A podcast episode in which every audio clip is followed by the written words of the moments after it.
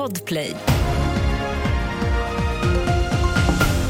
All kontakt förlorad med personalen på Gazas största sjukhus. Det ledde till dödsolyckan på Gröna Lund i somras och korvdrama på julmarknad. Kvinna svimmade flera gånger. Det är rubrikerna i TV4-nyheterna. Jag heter August Håkansson.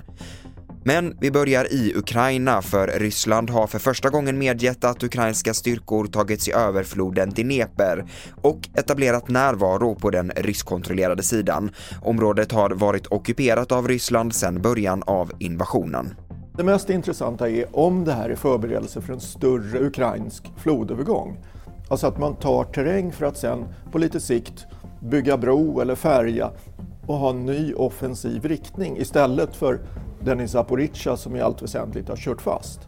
Det här är, tror jag, en huvudvärk för ryssarna och en möjlig i så fall ukrainsk framryckningsriktning ner mot Krim.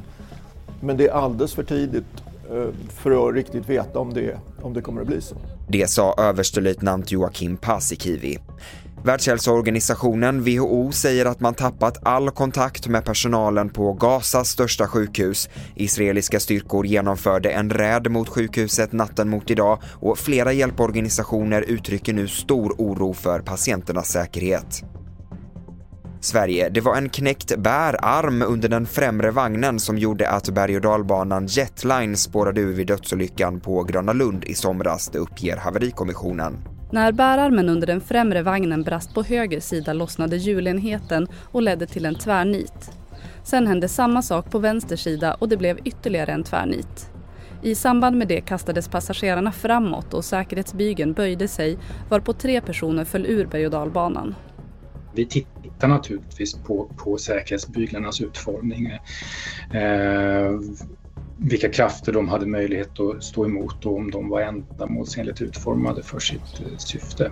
Det sa Johan Alberg på Statens haverikommission, reporter Malin Otander.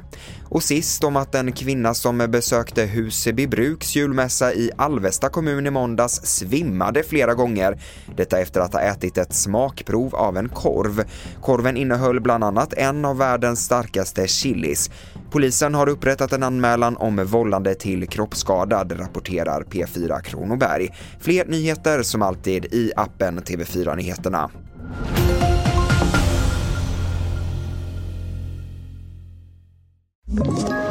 Ett poddtips från Podplay.